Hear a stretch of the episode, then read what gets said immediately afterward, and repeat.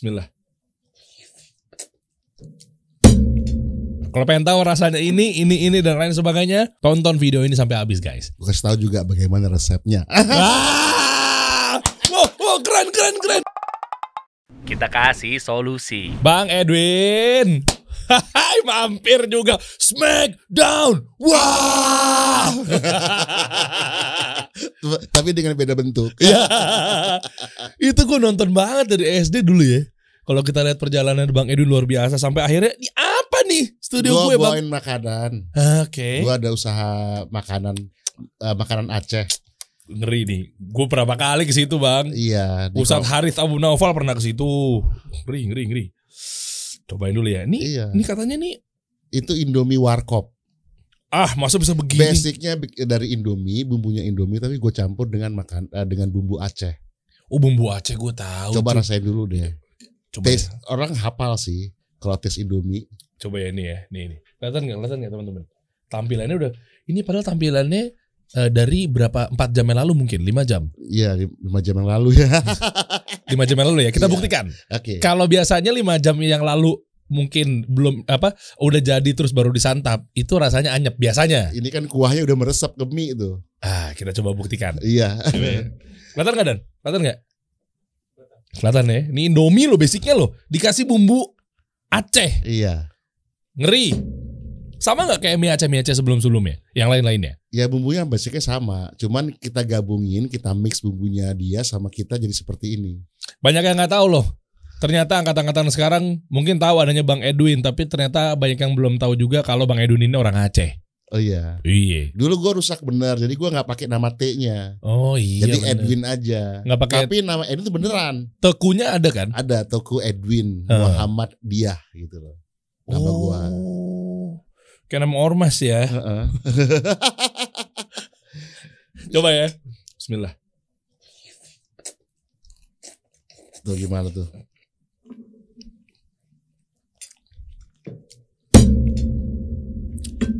Bang, gue nemuin rasa Indomie Iya. di dalamnya Heeh. kena bumbu mie Aceh. Nyambung ya? Nyambung parah. Wallah Allah. parah. Dahsyat loh. Indomie nih- Ini jadi kita nggak podcast dia nunggu dia makan nih.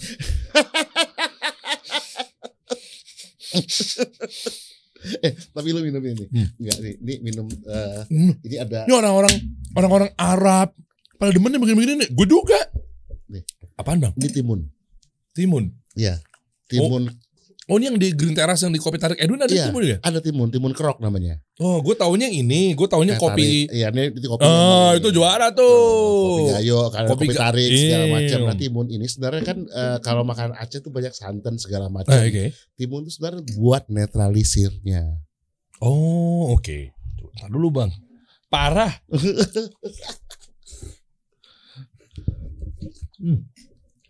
ini beneran lu makan ini Bang, bang. Guys, gue pernah ke tempatnya Bang Edwin.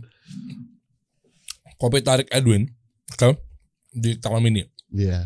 Gue nyobain yang mie Acehnya bang, bukan yang Indomie, yang mie Aceh. ini favorit sebenarnya Iya. karena tesnya orang masih sa- sa- samar-samar selalu merasakan minum makanan ini Hmm. tapi jadi beda Nah itu, nah Pak Rahmat ngasihnya waktu itu ya mie Aceh.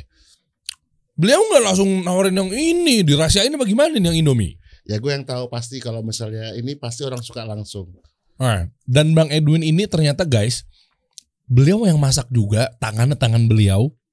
Banyak kisah-kisah yang mau kita angkat dari mulai MC, jikan perjalanan, di aktor juga, wow, dan, dan lain sebagainya. Ternyata sisi lainnya jago masak loh beliau loh.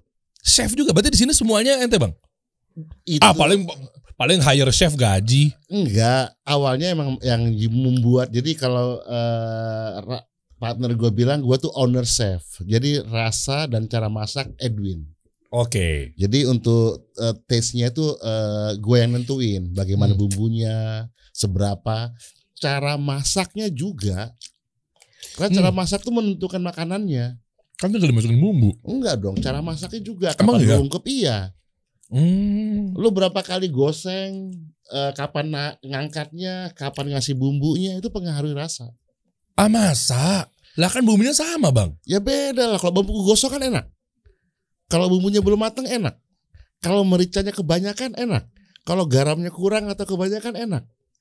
Kapan naruh garamnya? Oh iya. Kapan naruh mericanya? Kapan naruh garam? Iya. Kapan naruh eh, Kan udah sayurnya? Kan sama-sama mau garam dulu baru bahan bakunya eh, makanannya atau makanan dulu baru garam kan sama-sama keaduk. Kenapa di restoran itu ada garamnya di luar? Nah iya itu. Belakangan. Itu yang benar apa yang salah? Itu benar karena asin itu yang menentukan lidah kita bukan lidah tukang masak. Kalau ada international food karena Oh. dia itu pengen dia yang merasakan. Tapi kalau misalnya kuliner, ini rasa yang kita punya, lu yang harus nikmati. Itu kuliner. Beda sama internasional apa internasional.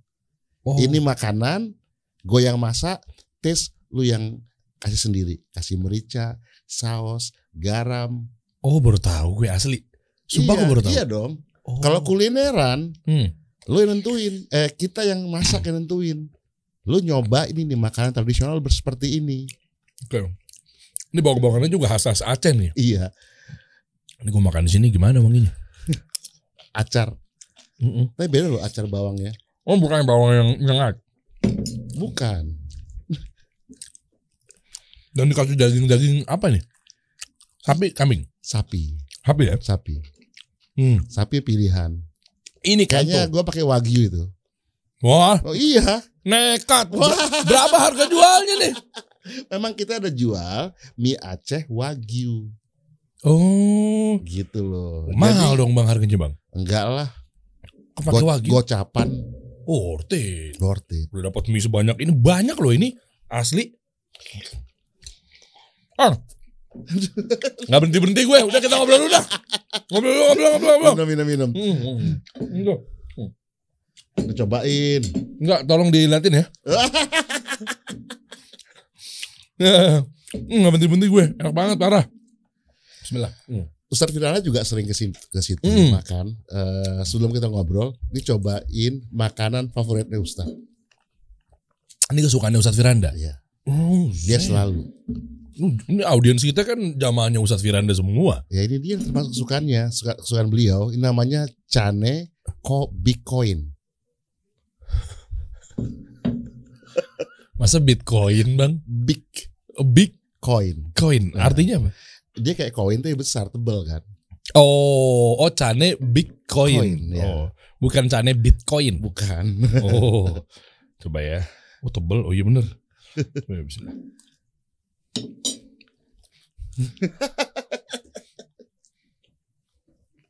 Dan, dan. Lu kenapa? Gue padahal tadi eh, ngobrolnya Win, nanti kita ngobrol-ngobrol ya. Ini, soalnya ini podcast kasih solusi. Jadi kita ngobrol kayak yang lain. Di sini gua kayaknya jadi nemenin dia Makan. makan, nih. Seharusnya gua makan tadi aja. Yuk makan dulu baru ngobrol nih ya. Diundang ke sini cuma buat temenin gue makan. Gila, gue gue adabnya buruk sekali ya sama senior yang satu ini nih. Parah. Oh.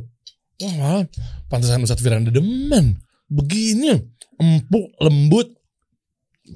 Jadi Kalau ada kejunya? Susu apa gimana sih? Keju sama susu. Bukan. Jadi di mm, eh, ibaratnya martabak bukan martabak tapi cane dalamnya Mm-mm. ada seperti itu.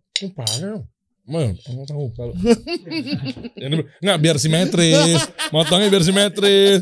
Kan se- seperempat seperempat gitu. Biar simetris lah tuh. Hmm. Hmm. Can ketemu keju ketemu susu, wah tuh terpecah sih. Ini canenya dari yang tepung itu Hmm. harus dibuka yang gede dulu, baru dimasukin, baru dipanggang. Jadi pro- proses juga lama bikinnya. Di kayak di martabak gitu. Martabak itu iya, Hmm, Di apa sih di tak tak iya meja. di di beberin lah. Hmm. Ada chef. Baru dikasih solusi macam-macam, tutup Hmm. baru dibakar. The best yang main Edwin. Ini standarnya, kalau ini Oh, sih ini standar. standar. Standar, Iya. standar ini kita kasih pakai Oh, gue. kari kambing. Iya. Nah sama jalan nih. Ini ntar nih kagak mulai-mulai Ya, nih podcast nih. Kopi tarik Edwin. Legend. Ini luar biasa nih keilmuan beliau akhirnya dituang di Green Terrace. Ada tuh di situ tuh. Ini kan di kawasan apa sih namanya tuh? Tempat makan itu kan. Iya. Oke. Oh, belum yang ini. Ntar kalau pengen tahu rasanya ini, ini, ini dan lain sebagainya, tonton video ini sampai habis, guys. Gue kasih tahu juga bagaimana resepnya. ah!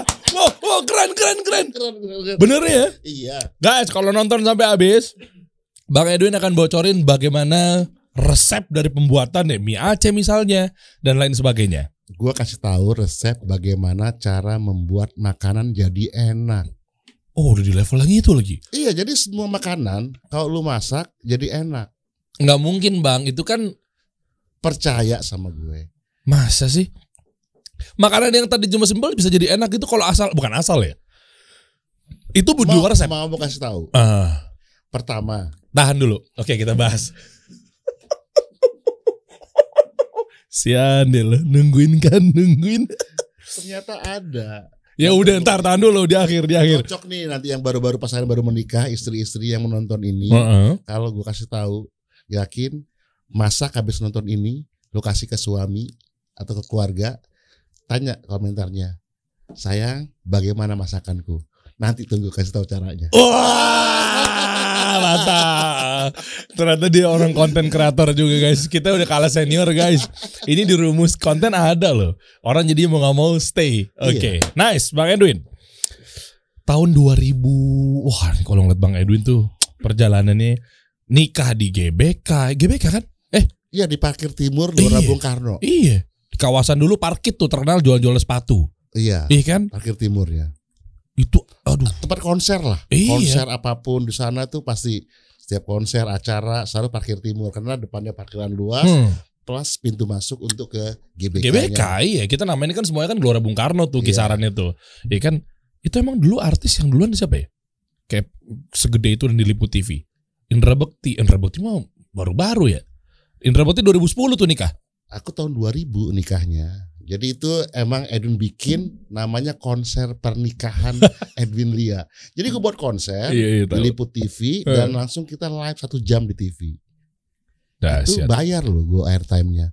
wow Wow, artis dulu emang beliau nih wah nggak bisa ya udah saya bayar aja biar masuk. oke oke kita mulai perjalanan dulu deh bang IKJ lulus tahun berapa bang 90. Eh kok lah, aku masuk tahun 90. oke 90 masuk lulus berarti 94 95 Eh kalau di IKJ itu nggak ada lulus lulusan. masa nggak ada lulus lulusan Ada sih, tapi dilihat jadi apa enggak nih? Eh, kampus macam apa ya? Lulus lulusannya janjian. Emang iya? Jadi apa enggak lo gitu loh. Jadi kan namanya kita sekolah seni, Iya. lu kuliah ini bukan eh, lu mendapatkan ijazah Mm-mm. ya, Terus? bukan karena ijazah lu, tapi karya yang dilihat. Oke. Terus? Buat apa eh, lu lulus sebuah kampus bawa ijazah tapi nggak bisa ngapa-ngapain? Oh ya percuma ya. Percuma. Jadi Hmm. kita dilihat kita kuliah itu menghasilkan sebuah karya nggak, diterima di masyarakat nggak? Oke. Itu tanda lulus atau nggak lulusnya. Oh, indikatornya itu. Iya. Oke, ah, jadi apa pun itu bentuk karyanya asal diterima sama masyarakat, Iya, itulah bukti bahwa ini mahasiswa yang sudah mengabdi dan jadi. jadi Oke. Ya kan bawahnya itu siapa bang? Vincent Desta itu bawah ya? Iya, ada Vincent, Desta, Na- Ben Naif ya. Iya iya iya. Itu Emil kemarin mampir di sini tuh. Kan Oh. udah cabut dari Naif tuh. Iya, iya. Udah ceritain panjang lebar tuh kenapa cabutnya dan lain sebagainya. Akhirnya dari situ langsung program pertama kan Smackdown ya? Enggak ya? Oh enggak. Enggak Dulu dong. mungkin- Kita tahunya Bang Edwin sama Kalau Bang Jody. angkatan gua tahu lah dulu mungkin kalau ingat dulu zaman dulu di Antv itu ada namanya gol apa namanya intermezzo. Aduh, tahun berapa Bang gue nonton Smackdown aja? Intermezzo dulu Kelas itu eh, sempat yang bawa acara itu sempat Sarah Sehan, Cindy Patika, Arman Maulana juga pernah. Mereka masih bujangan, masih gadis semua tuh. Oh iya iya iya. Ya kata masuk gue masih bujangan. Oh iya. Itu acara anak muda lah di Antv. eh acara main-main seperti itu. Hmm. Nah gue itu nggak di situ sebenarnya, hanya tim kreatif di eh, PH-nya BDI Rijal Mantovani. Uh. Gue tim kreatifnya. Oh gitu. Iya, Oh, jadi belum jadi apa ya? Tampil depan layar. belum, karena gue jelek banget. gue sebenarnya masuk IKJ udah nyesel, Kenapa? salah gue. Kok gitu? Gue masuk teater, pas gua belajar di buku keaktoran yang dikarang oleh Stanislavski, ciri-ciri aktor itu adalah ganteng, cantik. Makanya kalau main film luar negeri itu ganteng-ganteng tuh Eh. Pierce Brosnan atau si Ongki Alexander atau ya perempuan cantik. Pas gua ngaca, ah, gue jelek banget mana bisa jadi aktor gue begini. Oke. Tapi itulah yang membuat gua tahu bahwa oh ternyata gue harus kenal diri gue sendiri Iya. dengan eh, badan gue seperti di fisiknya, Mm-mm. ya kan? Mm-mm. Gue harus jadi. Oke. Makanya gua nggak jadi aktor, gue jadikan MC. Tetap gue harus utama, bukan aktor tapi MC. Oh. Tetap jadi master of ceremony. Tetap gue jadi yang utama, walaupun nggak jadi peran utama. Oh, Oh. keren. Keren. Karena ambisi gua gue harus jadi yang main gitu loh. oh iya iya. Udah iya. sekolah jauh-jauh dari Aceh, jadi figuran. Karena mau kayak gue mau kayak figuran nih kayak gini nih. Zaman sekarang kan sinetron yang jelek-jelek kan figuran mulu. Iya. Iya benar benar benar. Nah itu pun juga tiba-tiba MC-nya itu ilmu dari mana kan teater itu nyambung ya? Eh, kita kan belajar ilmu panggung. Oh, kita kan oke. belajar vokal, kita kan belajar psikologi massa, kita belajar yang namanya interaksi, kita belajar mengenai respon, kita belajar yang mengenai penguasaan panggung, kita belajar mengenai eh, dekorasi dan membaca skenario, Wah kita tuh. menghafal. Jadi ilmunya sama, penerapannya beda. Kalau misalnya drama berame-rame, kalau MC ya kita single, monolog atau partner duet. Wah ini ilmu semua guys. Parah. Jadi Jangan ngaku- sama. Jangan ngaku MC ente ini bapaknya MC nih. Gua hadirin nih. Kasih solusi kepada teman-teman gimana caranya mau jadi konten kreator, presenter, host, Iya, bangun personal branding gimana Bang Edwin? kalau misalnya jadi host atau MC, yang jelas lu itu nggak orang bilang, "Woi, host itu harus smart." Ingat nggak? Mau tahu? Awal-awal bilang, "Kamu harus smart." Smart itu bukan di panggung, bro. Tapi Di panggung lu itu cuma dikasih skrip, baca, komentar TV sekalipun yang komentator TV atau pembawa acara, pembawa acara TV, dia baca teleprompter. oh iya. Nah, Oh iya ya. Iya kan? Dia baca semuanya. Jadi smart itu bukan ketika lu tampil. Lu pinter itu ketika lu di briefing atau lu membaca sebuah berita. Hmm. Sebelumnya atau ketika di briefing sama pembawa eh, sama yang ngundang lu di briefing, kita nih perusahaannya begini begini begini. Lu jawab, "Baik, Pak. Saya kasih solusi. Kayaknya acaranya bagus karena begini." Di situ dilihat ini orang smart apa bego. Oh, Oke. Tapi kebanyakan yang dikasih manajernya. Yang pintar sebenarnya, ya sebenarnya manajer. MC-nya cuman badut. Hai, ya, baca ye. Hore. Dia sebenarnya bego. Apa disuruh? Lu kok begini? Ya saya nggak tahu kan saya disuruh seperti itu. Oh iya. Zaman sekarang bener manajer yang dimajuin. Gue baru enggak lagi. Kan Iya. manajer yang pintar manajer di briefing, dia harus ingat, catat semuanya. Habis manajer di briefing, dia briefing artisnya. Nanti kamu sebutin ini ya, produknya ini ya, jangan pakai baju ini ya, jangan pakai kata-kata ini ya, Iya bener. ini lagi. jangan, ini ini kompetitor, bener. ini ini gitu loh. Iya bener.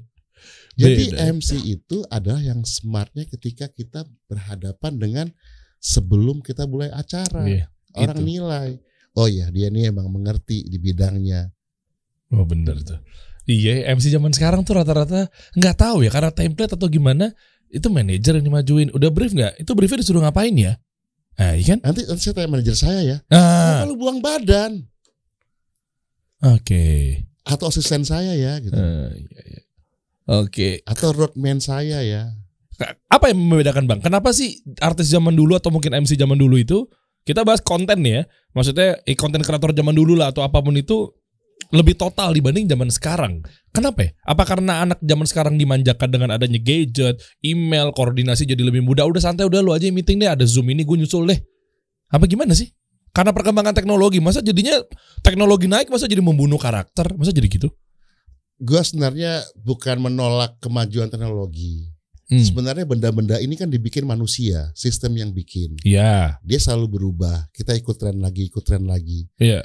Eh, jadi yang belajar eh, mem- memoperate sistem inilah yang pinter. Oke. Akhirnya sistem ini membuat membuat orang tidak bisa kerja sendiri. Hmm, iya. Jadi misalnya ini eh, lu ya Der, Hmm. Lu kalau mengoperate sendiri, siapin kamera sendiri, lu kan pusing, iya. iyalah. iya kan? Mm-mm. Eh, terus bagai, nah tugas kita sebagai present atau host, presenter atau host ini adalah menguasai materi dan bergaulnya, Oke. sehingga orang trust sama kita. Iya. Iya kan, apa yang kita sebutkan, apa yang kita ucapkan, apa yang kita makan tadi orang percaya bahwa itu benar-benar enak, bukan karena sebuah promosi. Iya. iya. Iya kan? Jadi satu hal di sini butuh yang namanya adalah bahwa omongan, ekspresi muka sama mata lu nggak bisa dibohongin kalau lu pinter atau bego. Oh iya, kelihatan sih emang. Jadi nggak usah kita ngejudge orang. Banyak kan sekarang orang yang ngomong sembarangan tapi isinya nggak ada. Oh banyak. Bahkan ngomong ayat-ayat salah. Iya. Tujuannya kan hanya untuk pengen terkenal. banyak banyak. Sedangkan orang pintar dia nggak pengen terkenal. Karena kalau gua terkenal, gua nggak sempat belajar lagi nanti. Oh. Nggak sempat lagi gua ketemu sama murid-murid gua lagi ngajarin. Oke. Ya, ya, ya. Ayat-ayat salah. Saya jadi ingat orang itu. Atau membela diri. Orang pintar nggak perlu bela diri. Tapi dia bisa lihat dalil atau bukunya atau apanya dari situ aja. Bukan Kan- mencari pembenaran Bukan untuk menjadi pembenaran. playing victim dan lain sebagainya. Ngapain? Hmm, oke. Oke. Kita di dalam agama juga menghindari perdebatan. Pergi jauh-jauh kalau ada perdebatan. Ngapain kita berdebat? Yang didebatin kalau seotak, kalau nggak beda gimana? Masya Allah. Kayaknya abis foto sama Ustadz Firanda sebelumnya kajian jadi mantap nih. ya kan asik. Gue liat fotonya tuh kan. Kemarin sempat rame itu. Ya, oke. Bang Edwin, kita berangkat dari Maaf, aku pinter ngom- eh, ngomong, pinter ya. Eh, ini ada ini. oh ada YouTube gua nggak apa biar ada penontonnya. Eh, ini udah banyak ya. Nah sekarang kita bahas nih. Maksudnya gini, kisah-kisah yang gue maksud adalah kenapa bisa sekarang jadinya bikin channel YouTube, bikin kopi tarik Edwin dan lain sebagainya. Tapi kan ini kayaknya banting setir banget bang. Ah, Oke lah, kalau ini mungkin masih nyambung ya, masih nyambung. Em, ya masih dengan ranah MC-nya apa segala macam. Hmm. Sebelum kita bahas channel YouTube yang memang sekarang udah 22 ribuan subscribers ini, tapi kan fase-fase Bang Edwin ini yang kita tahu kan dulu kan bos, ya kan? Wah, naik apa segala macam. Formulanya apa sampai akhirnya sekarang nggak tahu lah ini banting setir apa gimana sih. Jadi ke makanan apa Aku segala macam. galau hidup aku sebenarnya ini. Aku bingung. Bingungnya kenapa bang? Kan dulu udah semuanya dimilikin, semua punya. Karena itulah, karena Coba coba ceritain coba. ternyata yang membuat hidup bingung ini karena nggak ada pegangan agama. Hmm, Oke. Dulu tuh ibaratnya gini ya. Aku bisa ngapa-ngapain, aku anggap karena aku mampu, karena aku jago, karena aku hebat. Contoh? Jadi karena gue ini eh bisa nge-MC, ya kan, bisa punya partner buat band lagunya bagus, orang terima, punya harga tinggi, merasa hebat. Jadi apa pun itu karena gue. Oh iya.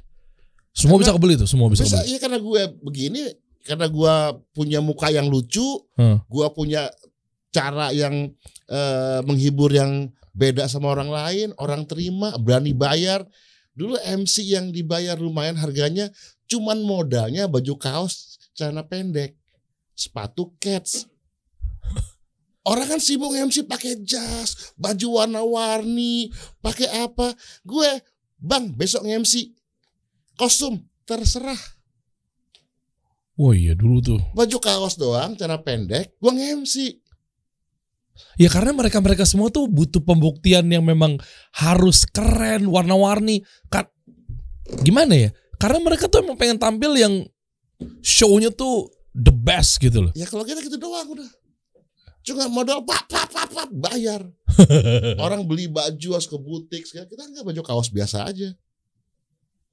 Celana pendek udah segala macem. Ya skillnya kan beda bang. MC-nya kan ente udah luar biasa pada saat Nah, itu. kita nggak merasanya, jadi kitanya merasa wah gue hebat. Oh ngerti ini ada hikmahnya di sini guys. Udah kebeli apa aja dulu ya? Ya pasti dari daerah bisa beli rumah udah lumayan dong. Bisa kawin di Senayan. Ya kan ngundang semua artis live TV. Punya motornya Harley. walaupun mobilnya aku mobil kijang tapi aku naik Harley. Itu skakmat sih daripada dibalik ya. Iya. Mana mananya kelihatannya taunya dia motoran doang mungkin mobil lu kelihatannya mewah gitu tapi mana mana itu kan Harley baru keluar ya langsung. Beli gitu gitu maksudnya ya maksudnya karena ada. Oke. Karena ada aku pikir ya buang-buang aja uangnya pakai aja gitu loh. Ternyata itu hidup yang salah gitu loh. Nggak takut besoknya misalnya ada duit pakai di bumba hambur-hamburin. Besoknya kan nggak tahu oh ada lagi ya? Dunia MC jadi gini gimana sih kalau jadi gua tuh dulu main sinetron iya. Iya. Pembawa acara TV iya. Tahu semuanya. Ngeband iya. Heeh. ya kan? Terus nge-MC off air iya. Dan itu bisa dilakukan kenapa karena dulu mainnya weekly sinetronnya weekly acara presenternya weekly eh MC-nya weekly mau mainnya juga weekly. Jadi bagi waktunya enak. Oke. Sekarang kan gila tiap hari. Nggak artis nggak ada waktu istirahat. Syuting syuting syuting syuting syuting. Kalau dulu kan syuting minggu depan lagi ya jadi yang lain juga enak kebagian sama artis yang lain Oh, kalau iya. sekarang kan sekali itu itu terus iya dia lagi dia, dia lagi. lagi dia lagi kayak nggak ada yang lain kenapa gitu kan industrinya tinggal di create aja kayak dulu karena mereka udah males oh. udah yakin ini dibeli udah punya penontonnya ngapain capek-capek kita mikir yang lain Hmm. Tunggu aja nih sapi susunya habis. Cari sapi baru. Kena banget sih.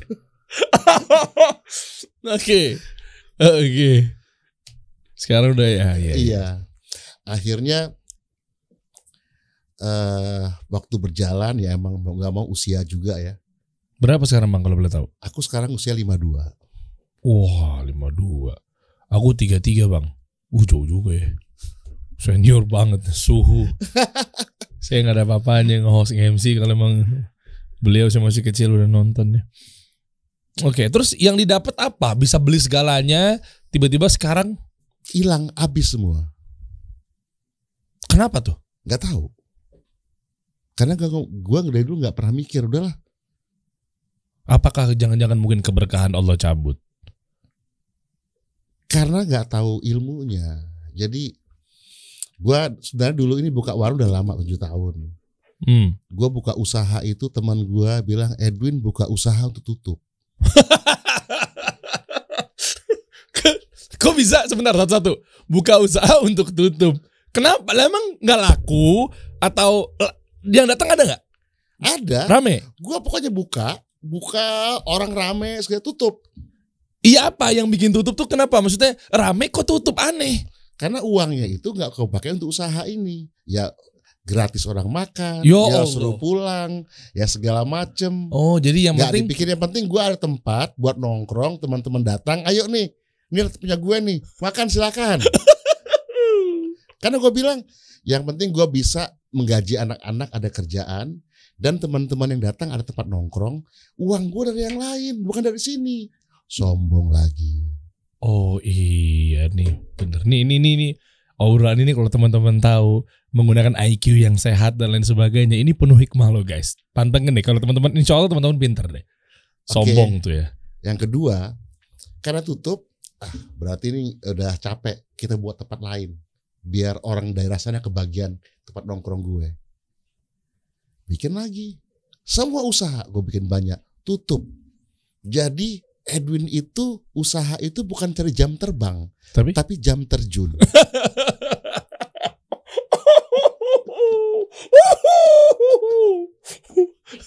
Orang dari buka usaha untuk jam terbang. Sekarang Bang Edwin buka usaha untuk jam terjun. Karena ngabisin duit. Sampai abang gue bilang, kalau lu kumpulin modal lu buka usaha dari pertama sampai sekarang itu udah berapa banyak banget. Dari usaha gue pernah buka bar juga loh. Waduh, Iya, bagus deh Bang tutup Bang kalau itu Bang. iya. Alhamdulillah, bagus. Saya dukung. Sampai ke sana toko baju pernah gue buka. Jual distribusi ada sampai makanan. Tapi ini untuk yang makanan Aceh, Heeh. gue satu. Gue bilang, gue ini orang Aceh, orang harus tahu gue orang Aceh, gue harus buka makanan Aceh. Karena kenapa gue bisa masak? Tadi kan jawabannya akhirnya kemari. Hmm. Karena gue zaman dulu suka bantuin ibu gue masak. Hmm, iya iya iya iya. Iya iya. Ibu pun asli orang Aceh. Aceh semuanya. Oh, bokap juga. Iya, jadi masih gue real blood. Oh, iya. ya ya. Oke. Oke, sampai akhirnya eh, apa yang membuat oke gue sadar deh nih. Kan jam terjun Edwin buka usaha untuk tutup dan lain sebagainya gitu ya. Apa yang membuat sadar bahwa Terakhir gue pas belum pandemi, gue akhirnya ah gue pengen ini benar. oke. Gue sadar terjun itu membuat gue muncul lagi. Eh. Gue sudah belajar Hmm. melihat Jody hampir mati pas saat dia kena serangan jantung. Oh iya, empat tahun lalu tuh ya. Dia dia kena serangan jantung. Wih, rame tuh berita tuh. Aduh, gue pikir wah Jody aja hampir mati, gue juga bisa mati nih gue bilang. Di situ gue eh, dia hijrah, gue pelan-pelan juga belajar agama. Gue mulai sholat, tapi masih belum masih ngumpet-ngumpet lah belajar takut salah gitu. Oh, Oke. Di situlah eh, baru gue eh, berdoa segala macam, nggak mau sembarangan lagi. Oke. Eh, terus yang ha- maksi, eh, sebenarnya jalannya kita ini untuk tobat tuh gampang. Setiap Jumat selalu ada diomongin sama khotib di awal ceramah. Gue tebak ya coba ya. Eh, Yang Qala Allah tabaraka wa taala ya ayyuhalladzina amanu taqullaha haqqa tuqatih ya. wa la tamutunna illa wa antum muslimun. Hai orang-orang yang beriman bertakwalah kamu kepada Allah. Ah, Itu. Iya, Oh, oke. mari kita meningkatkan iman dan takwa kita, Hmm. eh, menjalankan perintah Allah, eh, meninggalkan yang ini. Iya, iya. Eh, ini nasihat sampai kepada jamaah dan untuk khotib sendiri. Iya, iya, iya. Tiap Jumat itu sudah jelas Suruh takwa. takwa, iman. Hmm. Cuman orang nggak ngeh. Tiap itu kan wajib setiap ceramah disebut. Iya, iya itu. Memang itu salah satu bagian dari eh ya semacam susunan dan rukun untuk khotib dalam berjumat Iya, gitu. ya sebenarnya nah, itulah gua belajar belajar. Akhirnya udahlah. Tapi masih salah. Gue borohin rumah gua ke bank untuk modal, Hah? Di Gade gadein. modal apa? Buat Buat usaha ini beberapa. Oke. Yakin.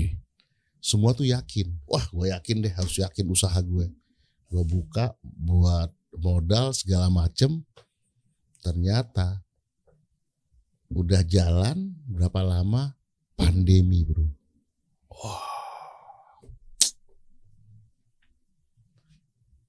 Anak gua masuk kuliah, gak bisa ngapa-ngapain. Warung ada, piring ada, kompor ada, semua ada, bahan ada. Karyawan gue semua lari pulang kampung. Dulu itu covid di awal, beritanya seorang mati di jalan, dikubur di mana-mana. Hmm. Nah orang Aceh itu, gue mendingan pulang kampung, mati di sana, ada tanah buat dikubur. Hmm. Semua pulang kampung, ninggalin tempat gue kosong. Siapa yang jalanin? Akhirnya tutup semuanya, tagihan jalan. Gue nggak punya apa-apa bro. Wah. Oke.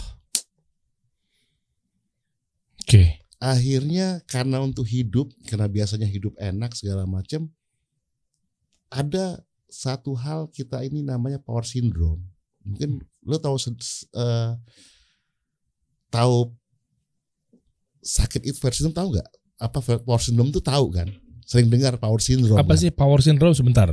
Mau di googling dulu nggak? Gue penasaran sih. Kayak apa sih bang? Power syndrome. Mm-mm. Kan ada star syndrome tuh. Kalau yang artis-artis baru yang dapat job tiba-tiba dia merasa power terkenal. syndrome sama star syndrome hampir sama Hah? hampir sama Ap- em, apa ya? Tingkat PD yang berlebihan? Eh bukan.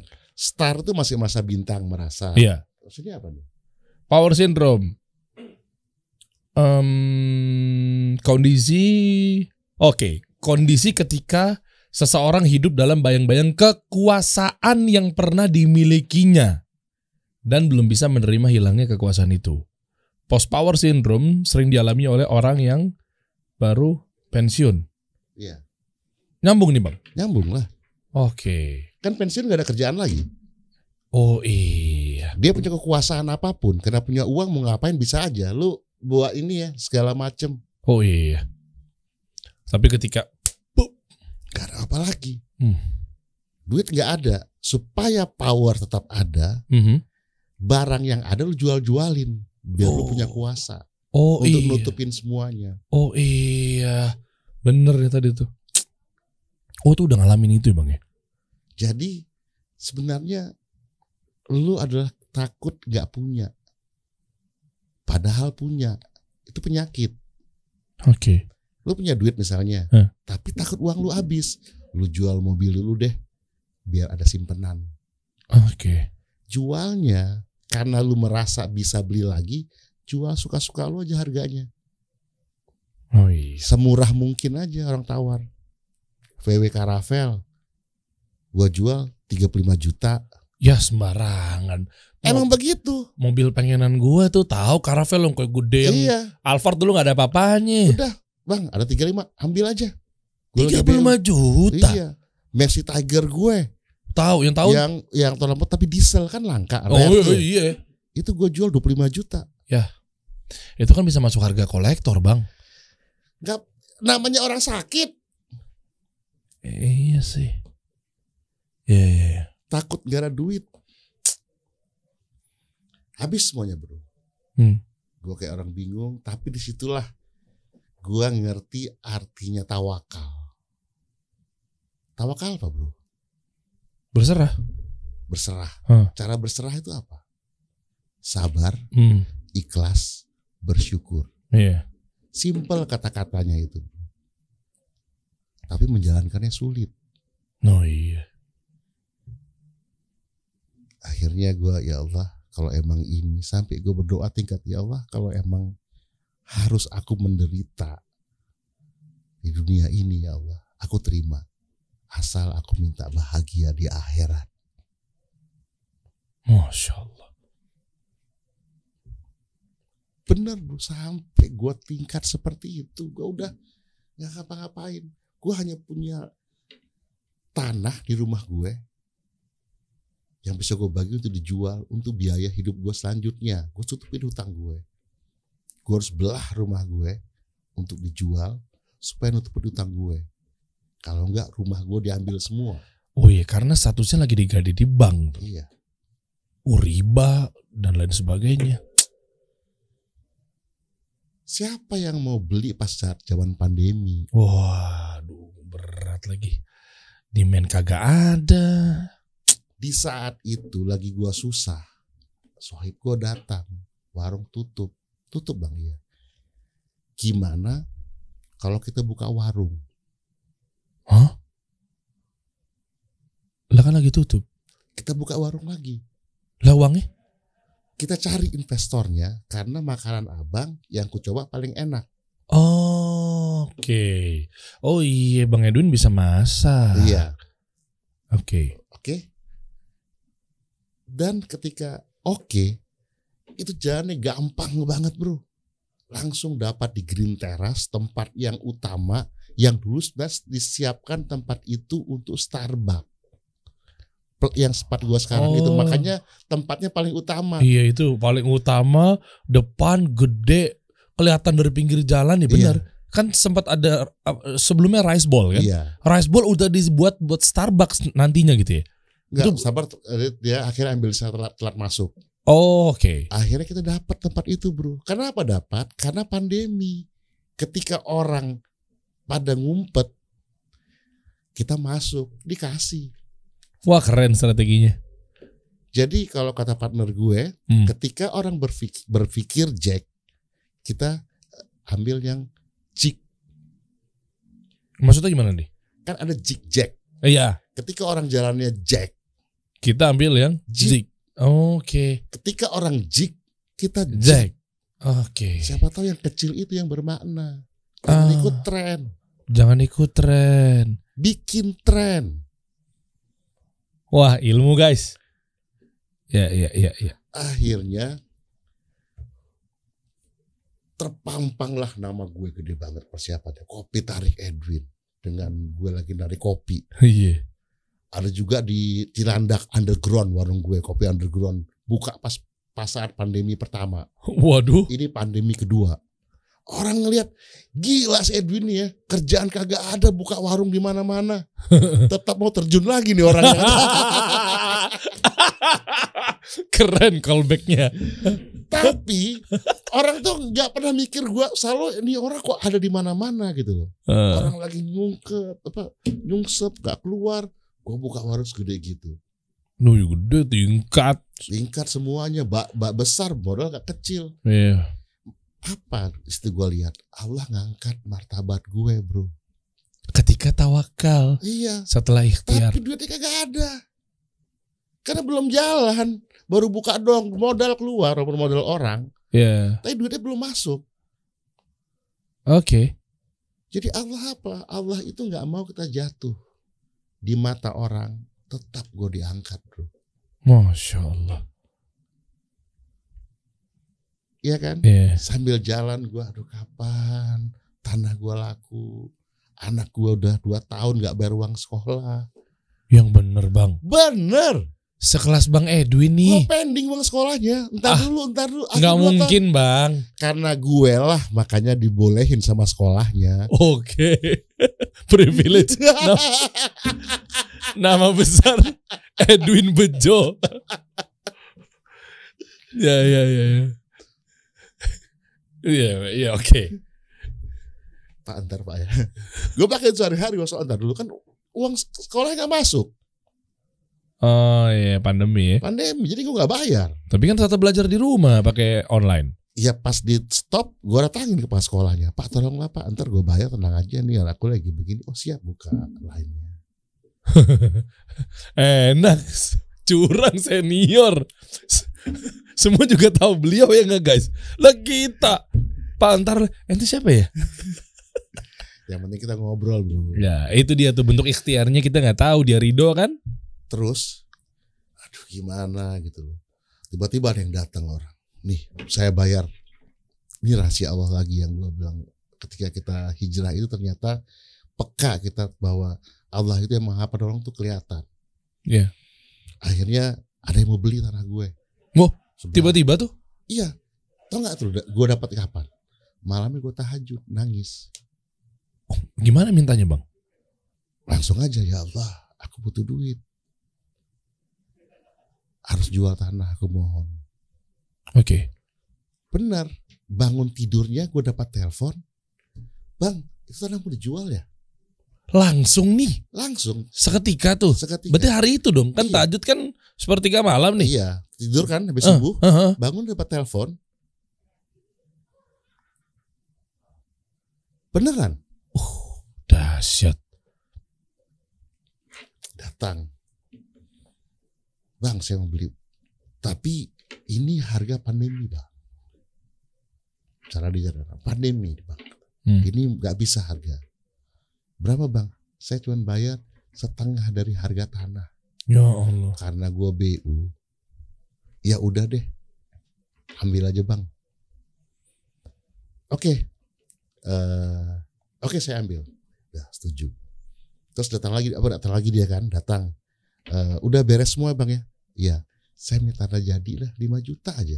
Gue bilang tanda jadi supaya rumah ini lu beli. Iya. Iya kan? Iya. Karena kan benar harganya udah murah tanah jadi. Entah kenapa ini orang geblek. Entah dia karena eh, diarahkan sama Allah, dia nggak mau kasih 5 jutanya bro.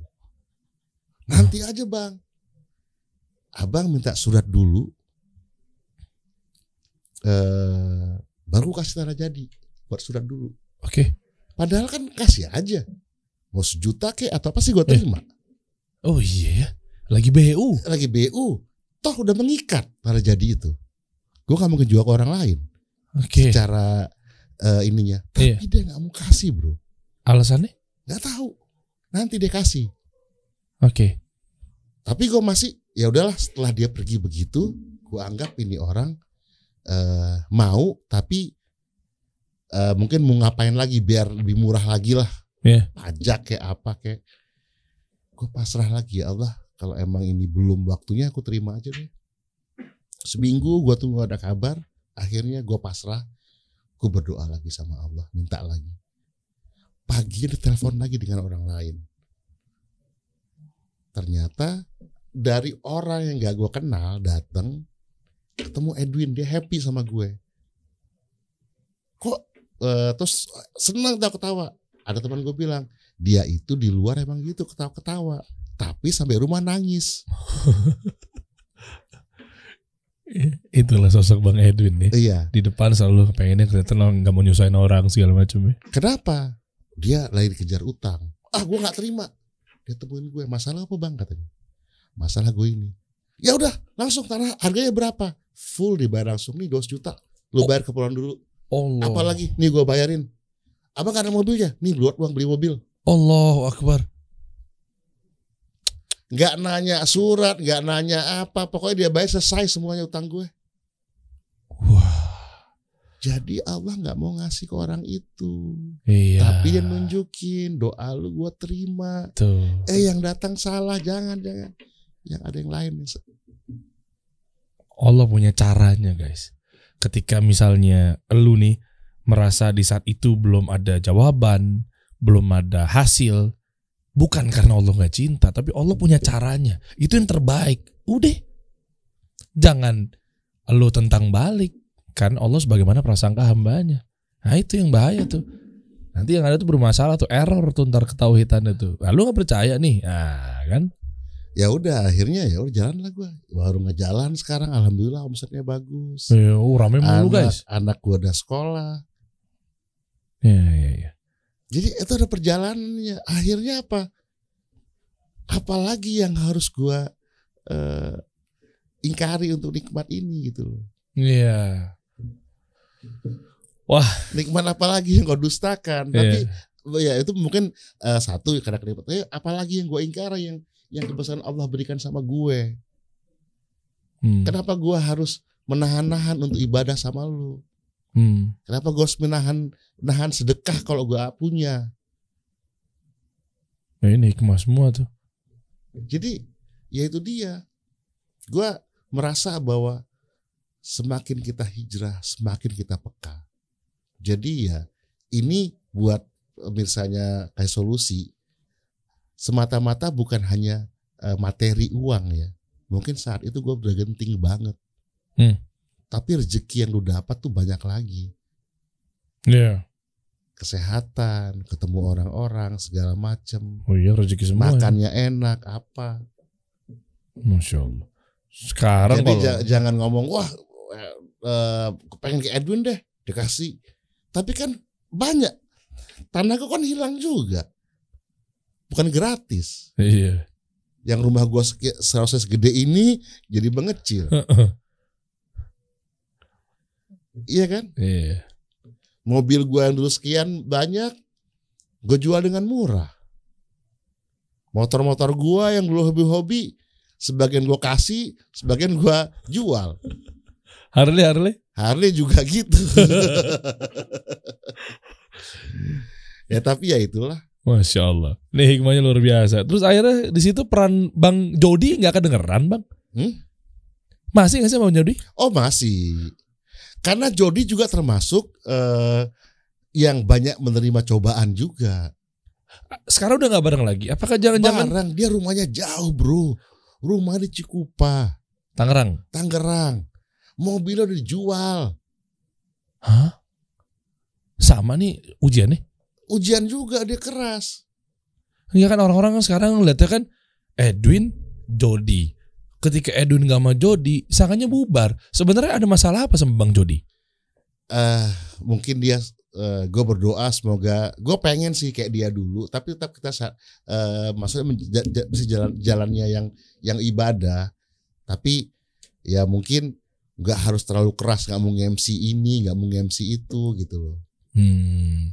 Tapi ya Edwin Jody bang. Iya dong. Kayaknya perlu panggil deh biar lu yang lu yang eh, Mendamaikan. mendamaikan bukan bukan bukan ribut sih sebenarnya Tapi berantem nggak kalian? ya kadang-kadang eh, mainnya dalam gitu loh. Nah ini kita klarifikasi saat di sini banyak yang nanya soalnya. Edwin Jody udah nggak kedengeran, udah nggak bersinar lagi sekarang. Apakah jangan-jangan bubar? Apakah jangan-jangan berantem? Apakah bisa nggak sebenarnya Edwin berjalan dengan sendiri dan Jody berjalan dengan sendiri? Atau harusnya bersatu kembali? Ada masalah apa? Saat kita aku, aku jujur Hmm. pengen gue pengen sama Jody kayak dulu. Jod, ayolah Jod. Kadang-kadang orang butuh kita juga. Bukan menjadi butuh orang yang terlalu bagaimana ya. Tapi menyenangkan orang lain itu berpahala. Hmm. Apalagi menyenangkannya dengan baik. Kalau dulu kita maki-maki orang, dulu MC yang paling zolim itu kita berdua. Gue tadi mau ngomong di awal begitu. Cuma nggak kita enak. bisa cukur alis orang, Iya, itu cabut bulu hidung orang, suruh orang buka baju, maki-maki orang, gak ada, gak ada yang marah. Dulu. Bener.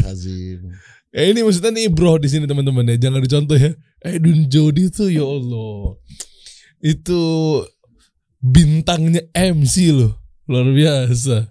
Gak ada yang marah bener. Nah, iya. Malah dibayar buat seperti itu. Iya, iya. Jadi perusahaan bayar kerjaan anak buah gue ya. Nitip lagi gue pengen itu yang dikerjain. yang bisa ngerjain kita gitu loh. Iya iya. Dan lucunya setelah sekian tahun, oh mas kan aku yang dikerjain kamu. Wah Yang alisku suruh cukur ya itu dia botak aku tiga bulan katanya. kan, kan lama tuh bu alis. iya iya, bener. Oke sampai akhirnya tapi sekarang kalau didudukin bareng kira-kira mungkin nggak sama Bang Jody? Ya mungkin. Hmm. Lu undang aja ntar gue telepon. Iya, klarifikasi itu bener ya. Cuma sekarang juga kan Bang Jody juga udah sibuk ke masjid gitu kali ya. Ya dia wajib kalau kau sibuk. Eh, Enggak maksudnya kesi- menyibukkannya lebih Iya, ekstra menyibuk, dibanding iya. dulu maksudnya. Itu kan udah udah total lah beliau ya. Tapi kesibukannya beliau apa sekarang? Untuk dunia, untuk untuk untuk nafkah. Ada lah ya. Kayaknya lu nelfon istrinya deh ya, wawancara ya kalau nggak sama dia ya. Kayaknya istri lebih paham deh. Ini jangan sampai jadi kasih gibah nih. Ya ya ya. ya. Tapi confirm ya. Kasih gibah. ngeri juga sih. ya. Warna merah lagi nih sekarang Iya. diganti ya. Tapi Ba- Bang Edwin, Bang Jody ada ngiranya ada kakak loh. Kita nih ABG bro. Bagaimana adik kakak? ABG tuh? Aceh Betawi gabung. Oh iya, Jody Betawi ya. iya. Tapi kan ada ngiranya begitu kan? Iya, karena mungkin karena dekat jadi mirip. Sama-sama IKJ juga ya. Sama-sama IKJ dia adik kelas gue. Hmm, ya, ya, ya. Bukan terbantahkan ya guys. Dan juga tadi kan klarifikasinya sudah dikasih tahu bahwa ya nggak ada berantem-berantem cuma mungkin gara-gara rumah jauh. Rumah jauh di Cikupa sekarang. Iya. Cintaku padamu. Wah, Cikupa. Oke. Dan dan memang nggak ada clash ya. Mungkin tapi gesekan-gesekan sedikit wajar kali ya. Iya. Kayak tadi kan Bang Edwin bilang katanya eh mungkin kadang ada yang ini nggak diterima. Mungkin maksudnya balik kayak Bang Jody. Nggak terima ini gara-gara mungkin ada unsur-unsur yang dilarang oleh agama misalnya. Terima job MC-nya. Ya, mungkin setiap mau MC kita konsultasi sama Ustadz kali ya. Nah, oke. Atau cari manajer yang Ustadz. Jadi biar yang nilai begitu. Ustadz sudah jadi manajer. oh, untuk men de- dewan penasehat. Iya, maksudnya eh, sebelum itu dia Ustadz lihat nih kayaknya eh, unsurnya nggak benar.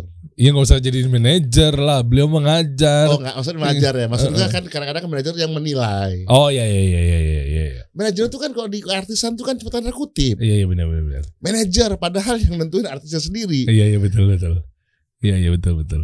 Nah terus akhirnya sampai akhirnya bisa di titik yang namanya kopi tarik Edwin. Menunya sih tadi saya udah nyobain yang itu, masya Allah gitu ya. Berarti udah sekarang udah establish berapa lama nih bang? Setahun. Setahun ya.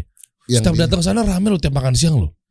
rame. Jadi emang gua alhamdulillah tunjukkan dengan partner yang luar biasa. Hmm. Jadi ada investor yang percaya eh, memberi masukan invest ke sini. Ada teman gua Rahmat Wah Ya. iya Pak Rahmat.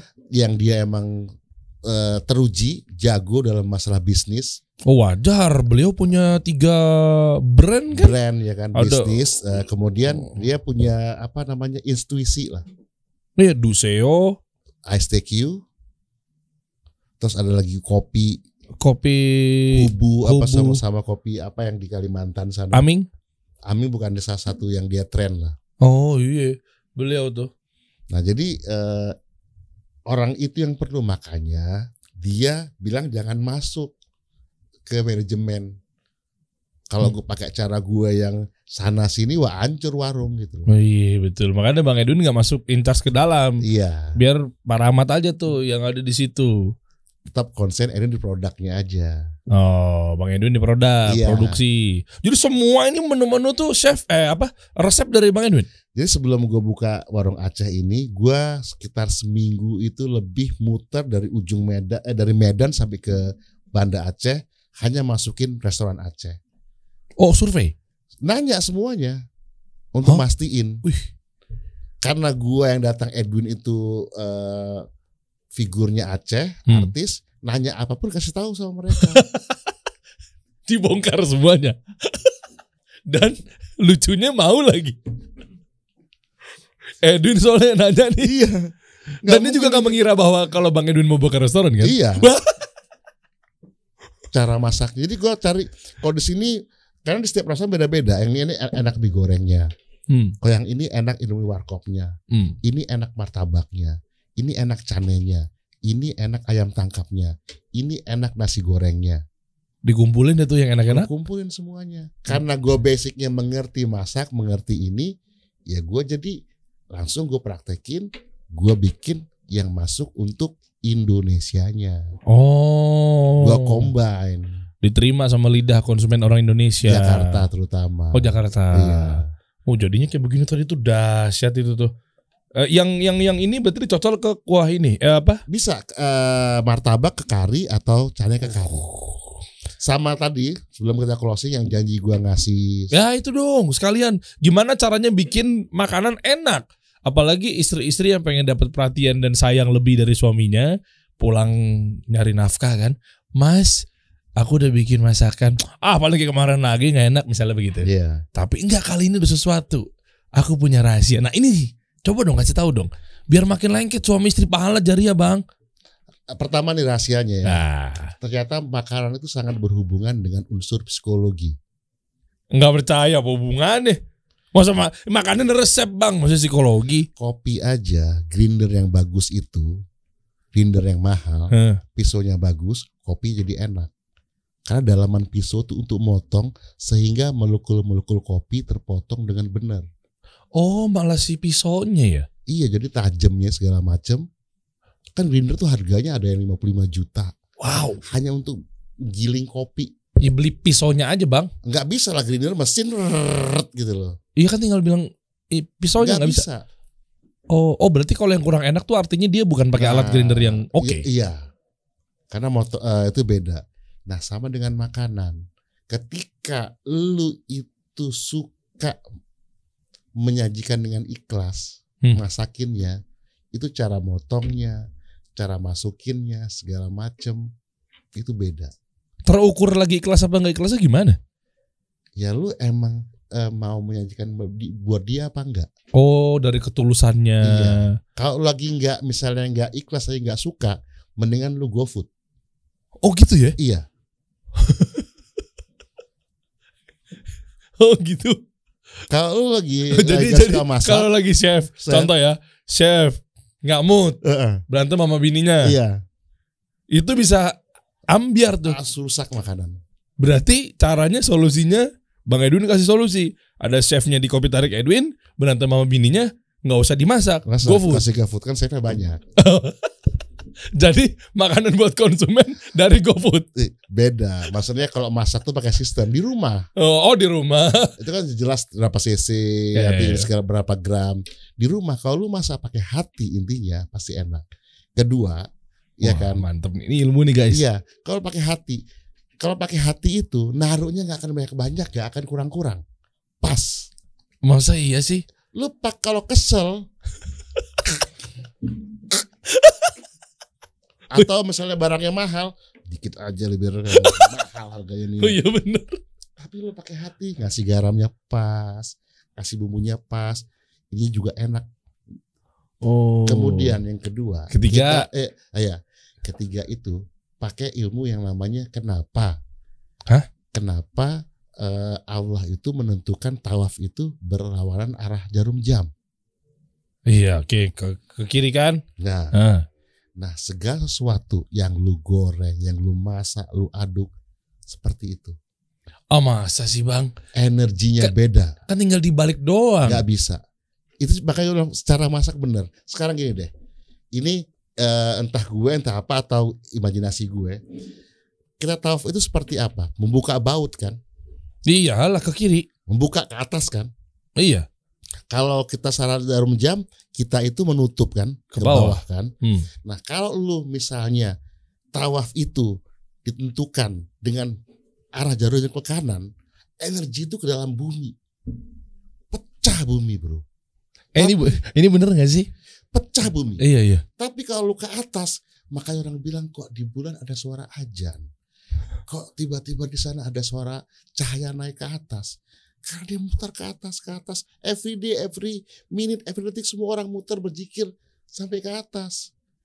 Karena dibuka. Oh, Oke. Coba dibuat ke kanan. Energi itu, ini ngomong ilmu energi, Iya iya. menekan ke bawah, pecah. Tapi langit gak ada batasnya terus. Hmm. Allah mendengar, semua mendengar. Sama seperti kita ngaduk ini.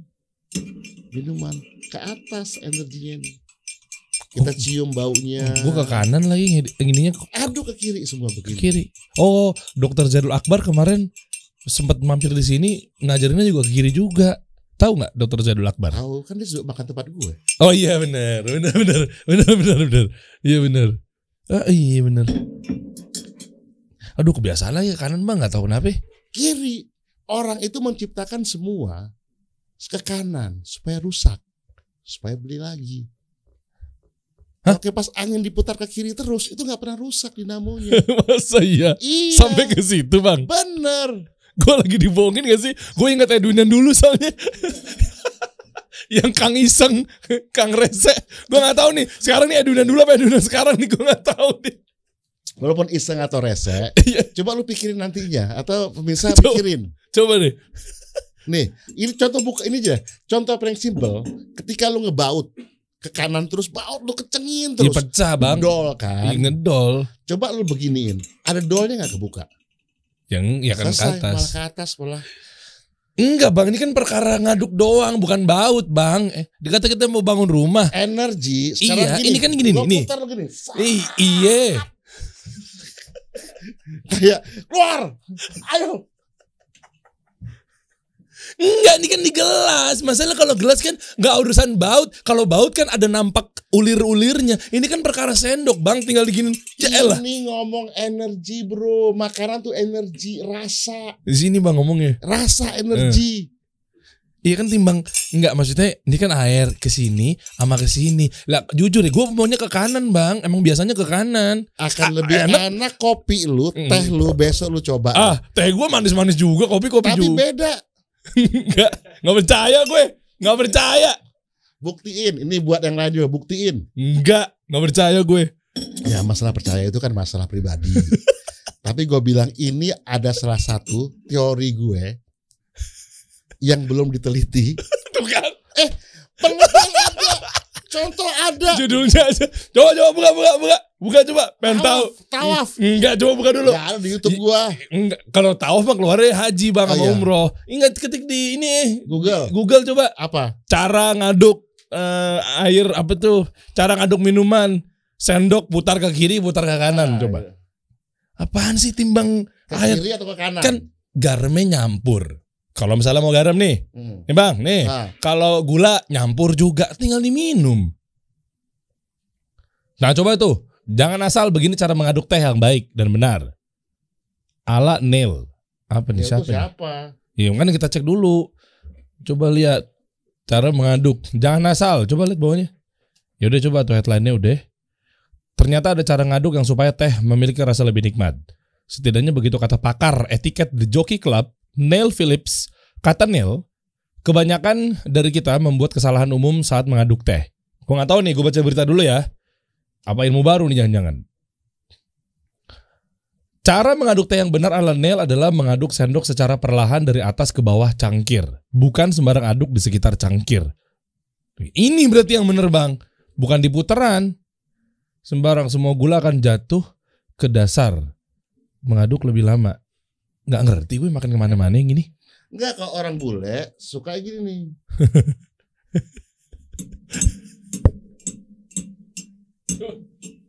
Memutar. Jangan pil di dia muter ya, bener muter. Ya coba dulu. Enggak tadi itu makin logis tuh gula ke bawah tapi makin gak ngena juga gula ke bawah gimana ceritanya sih? Mengaduk teh terus gerak gerakan memutar. Tuh, ada gak nih? Coba gerakan memutar. Coba ini jangan-jangan nih, coba nih.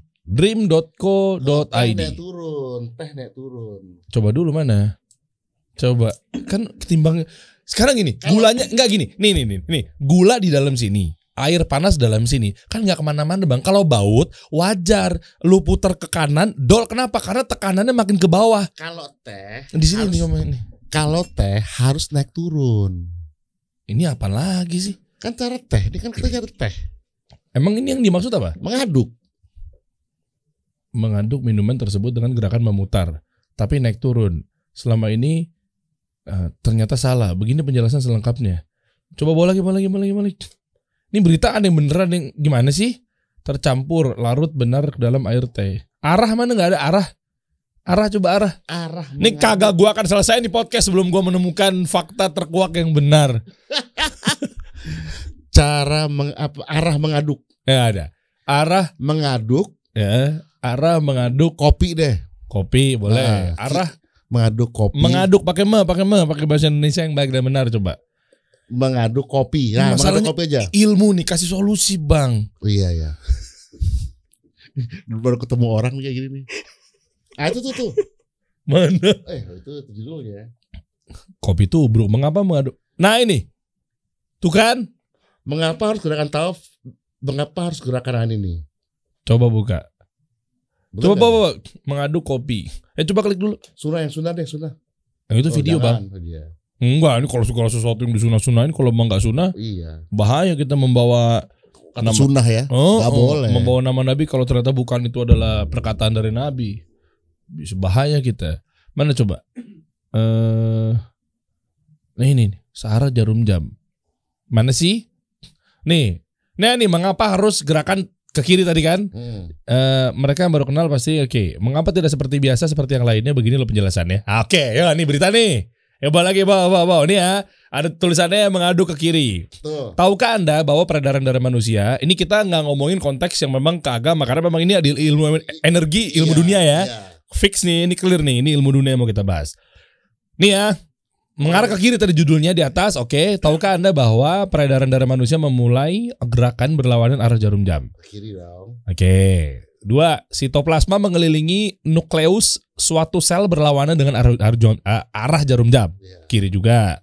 Molekul-molekul protein-protein terbentuk dari kiri ke kanan juga berlawanan dengan arah jarum jam. Molekul makanan terbentuk di situ. Oke. Di dalam kandungan para ibu, telur mengelilingi diri sendiri berlawanan dengan arah jarum jam. Nah, ini juga ada yang telur ya kadang-kadang. Oke. Bakteri. Ini cocok-cocok logiin. Coba lah. Makan canda gua. Terus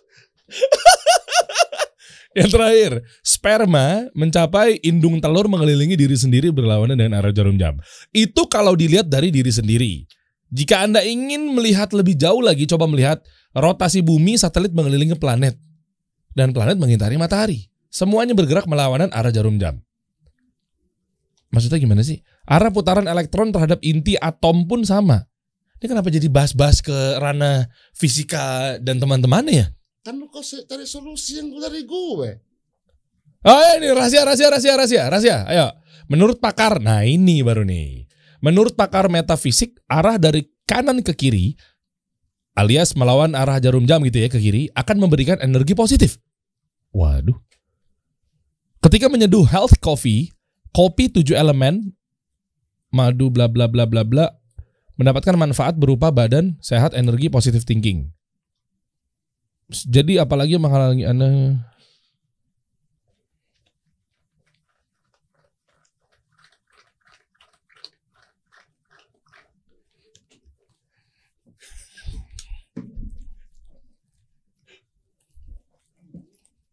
intinya intinya bro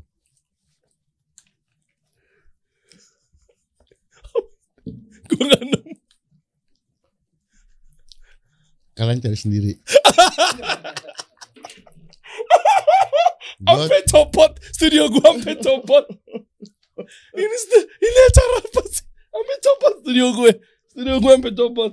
Subhanallah.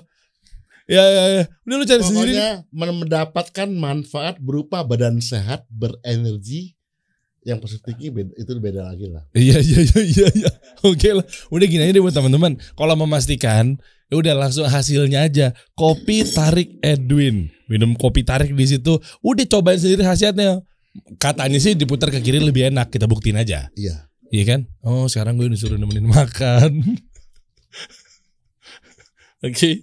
Gua disuruh kasih statement disuruh buat apa disuruh cari tahu sendiri lagi kan kok capek jadinya Ya bisa nggak ada pembuktiannya, nggak ada faktanya. itu dibilang lebih enak Oh iya iya sih. Hmm, iya, iya, Iya kan? Iya, iya, mereka iya. bahas bahwa semuanya itu Hmm. adalah gerakannya itu untuk menyatukan molekul, untuk menjadi elu, Oh iya sperma. sperma. Oh iya, gue mikir lagi. Iya bener sperma. Oh iya bener. Karena energi tadi diminum sama ibu yang mengandung ternyata memperbaiki sperma dan lain sebagainya. Oh iya iya iya. Ada hubungan. mereka semua melakukan gerakan tawaf itu. Iya maksudnya ke kiri. Mm-mm. Tawafnya mah bentuk ibadah, tapi di sini yang kita bahas adalah masalah geraknya ke kirinya itu yang memang Ambil kebaikan dari situ. Oh iya gitu ya. Nice. Bang Edwin kita lihat dong channelnya dong. Bahas-bahas bantu-bantu orang juga banyak ternyata di YouTube ya. Nah, Edwin Botak Channel. Bantu Nandi operasi bibir sumbing. Uh, jadi bermanfaat buat orang-orang nih Bang Edwin nih. Masya Allah nih. Wah mataku Wisnu. Ajib. Waduh, duh, duh, duh, duh, duh. Ini channelnya seputar apa bang? Makanan-makanan atau ngevlog atau gimana bang?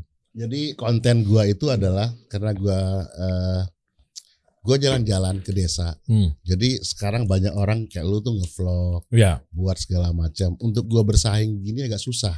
Hmm. Pas gua menentukan buat YouTube. Hmm. Tapi kalau eh, public figure ke desa, ketemu dengan masyarakat desa, bantu mereka. Maksudnya mereka belum pernah makan spaghetti, gue masakin spaghetti Oh, di iya. rumah mereka. Oh iya benar. Gue masakin mie Aceh ke rumah mereka. Hmm. Jadi gue buat seperti itu. Hmm. Jadi menjadi orang yang bermanfaat lah sambil kita bantu mereka. Masya Allah. Guys, sangat bermanfaat banget kontennya Bang Edwin sekarang. Kita lihat ya dari channelnya, dari bermanfaat buat orang juga makanan-makanan enak disajikan. Iya. Jadi nggak ada alasan teman-teman. Saran saya mendingan datang yuk rame ini di Green Terrace nih. Sering banget gue juga mampir ke situ teman-teman. Kopi tarik Edwin. Aceh asli masakan-masakan Aceh di situ tuh. Mie Acehnya gue udah nyobain Zen. Hmm. Ya kan tadi favoritnya Ustadz Firanda dan lain sebagainya. Boleh abis ini nanti kita ke sana. Ada yang baru nggak di sana bang? Yang baru itu manajernya kayaknya. Kenapa lo ngomongin manajer? Orang internal, gua nggak peduli. Kita kasih solusi. you